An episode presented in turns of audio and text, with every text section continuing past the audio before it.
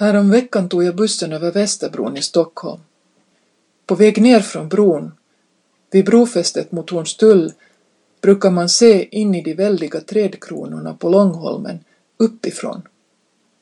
De var gula och jag minns att jag tänkte att det som är vackrast är grenverkets rymd.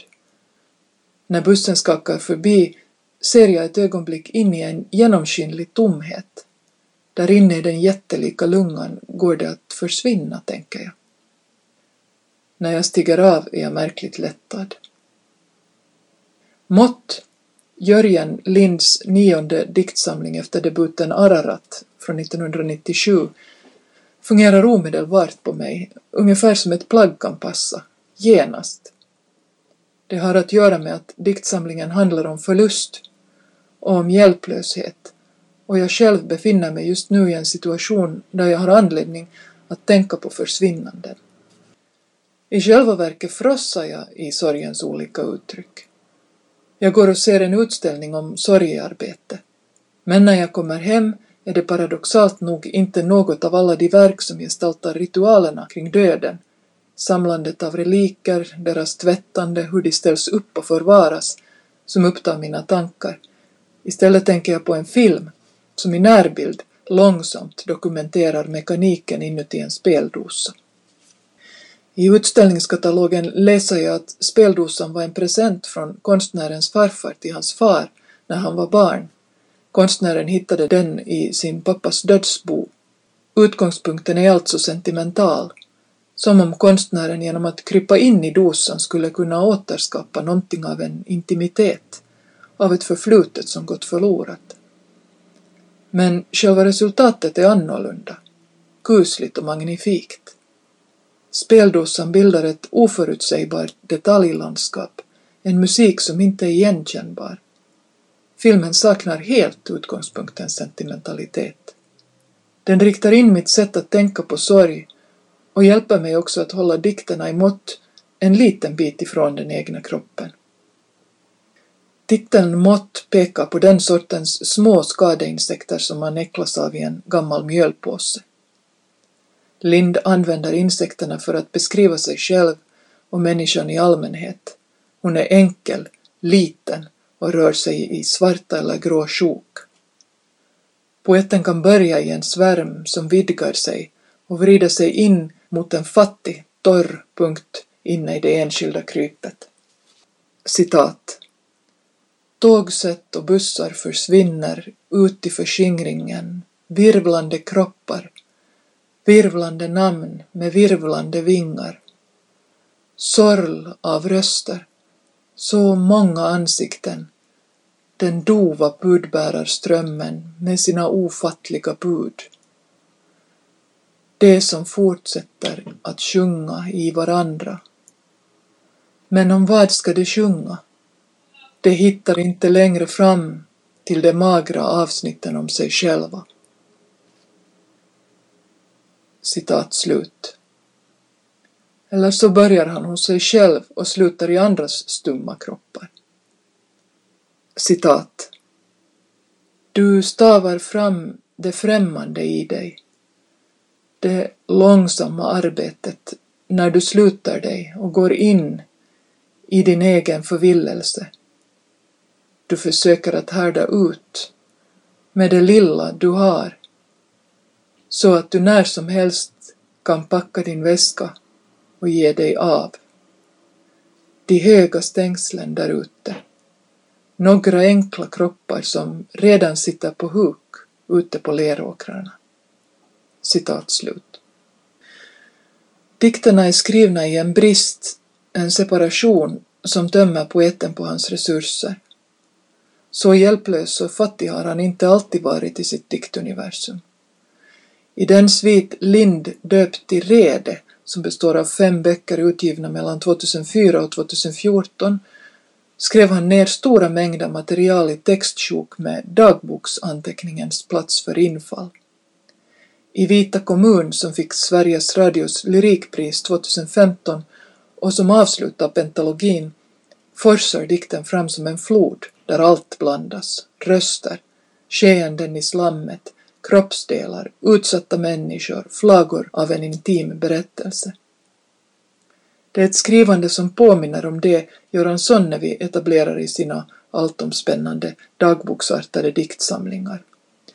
Jag tänker att det liknar ett samlande, att skrivandets glädje någonstans är arkivariens lycka över allt som finns bevarat i katalogen, fast materialet är rörligt, delar av förlopp, bitar av händelser eller tankar.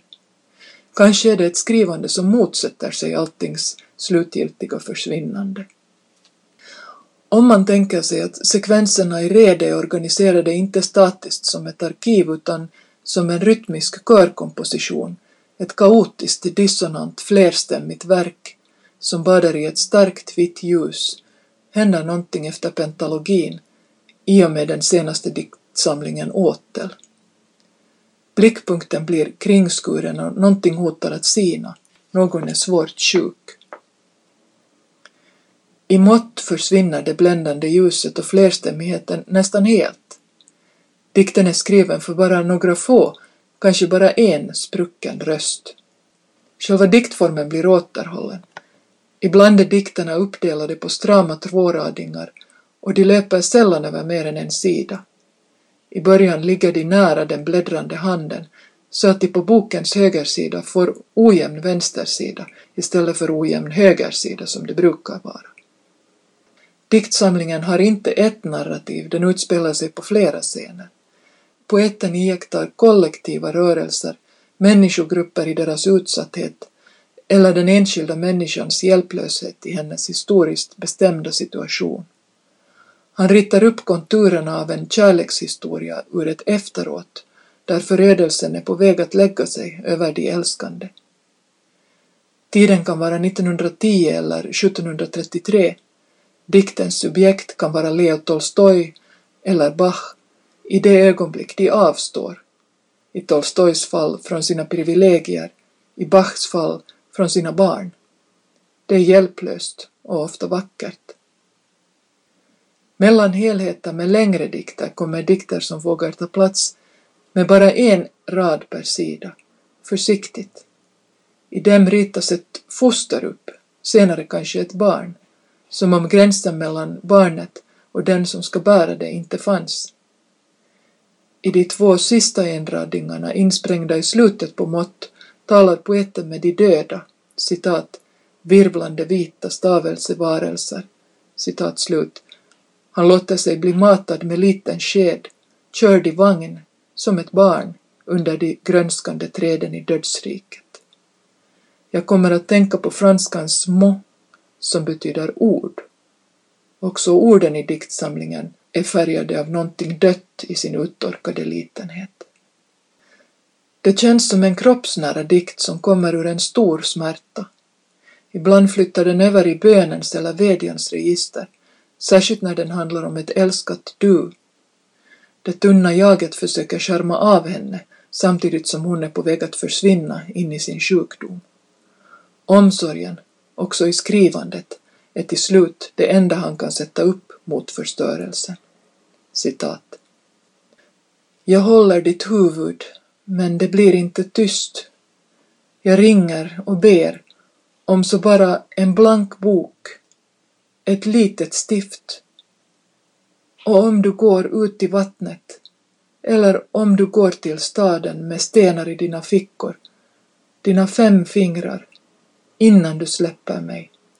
Det allra sista ska vara det första. Vad ska det allra sista vara? Ditt hesa skratt de båda trasiga framtänderna. Citat slut. I grekisk mytologi leder guden Hermes ner de döda i dödsriket. Han är budbärare mellan människor och gudar också, tjuv och handelsman, ständigt på väg någonstans och opålitlig. I en myt berättas det att Hermes kort efter sin födelse steg ut ur sin mors grotta och såg en sköldpadda i gräset. Sköldpaddan fick honom att skratta. Han såg en leksak i den och styckade den och byggde en lyra. Jag tänker att Linds dikter aktualiserar två sätt att hantera sorg. Dels samlarens sätt att bokföra allting, organisera det i sekvenser. I konsthallen finns saknaden gestaltad i föremål som tillhört den döde, fotografier som avbildar henne, kläder hon burit. Det är en i grunden respektfull metod, vars syfte är att få någonting att visa sig. Det handlar om att upphäva åtminstone någonting av förlusten. Men det finns också en annan metod. Den Hermes som leder bort de döda i det okända är samma gud som omvandlar sköldpaddan till någonting annat. Metoden är hänsynslös, men den går att använda också på sorgens lösryckta delar. Resultatet kan bli skrämmande eftersom det handlar om ett våld mot all respektfull konventionalitet. Samtidigt finns möjligheten till ett nytt perspektiv. I mått får jag känslan av att dikten organiseras av en poet som rör sig mellan just ett uttröttat samlande och en förvandlingskonst som han känner igen också hos andra. När Lind skriver om Bachs musikaliska exakthet bygger den på de döda barnens kroppar, vilket är omänskligt. Citat.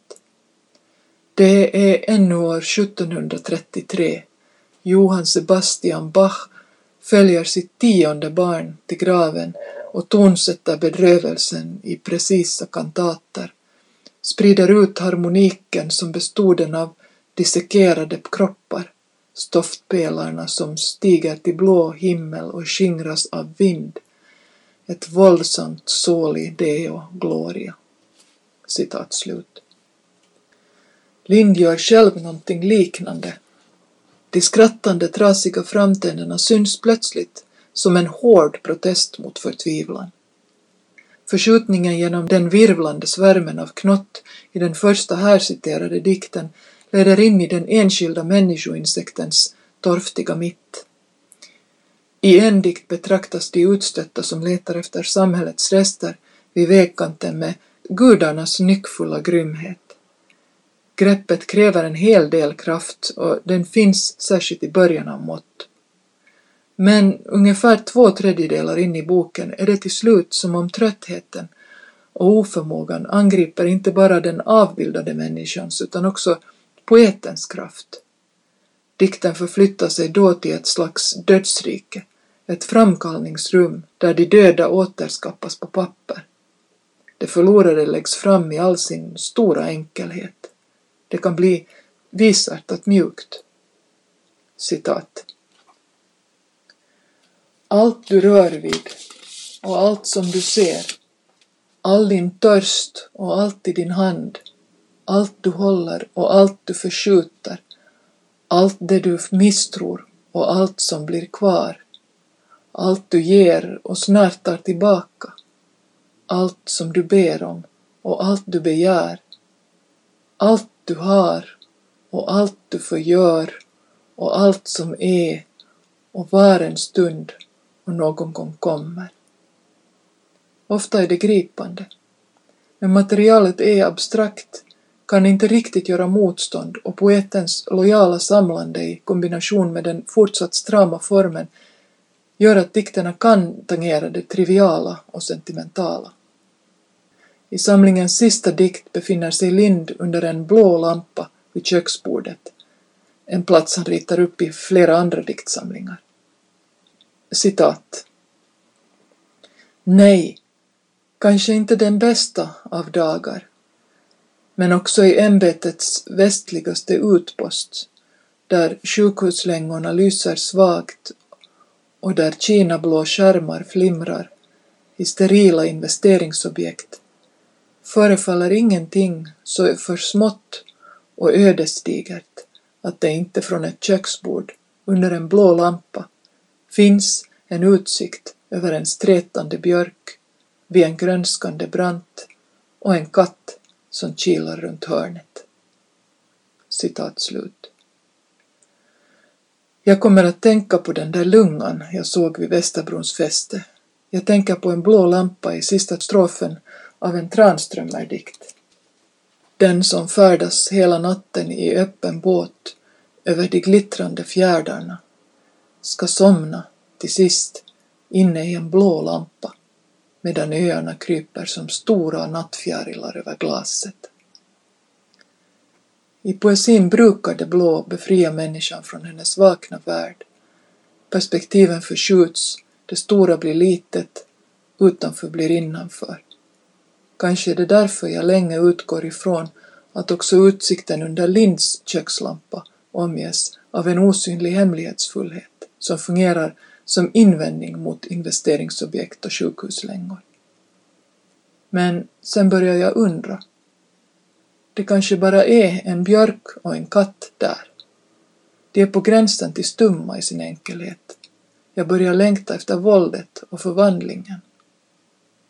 När allt kommer omkring tror jag inte det var möjligheten att försvinna som var poängen med de där träden på Långholmen. Det var nog snarare det faktum att jag av en slumpartad utsikt ett ögonblick lyckades göra en lunga, stor nog att omfatta både mig själv och katalogen över allt jag förlorat.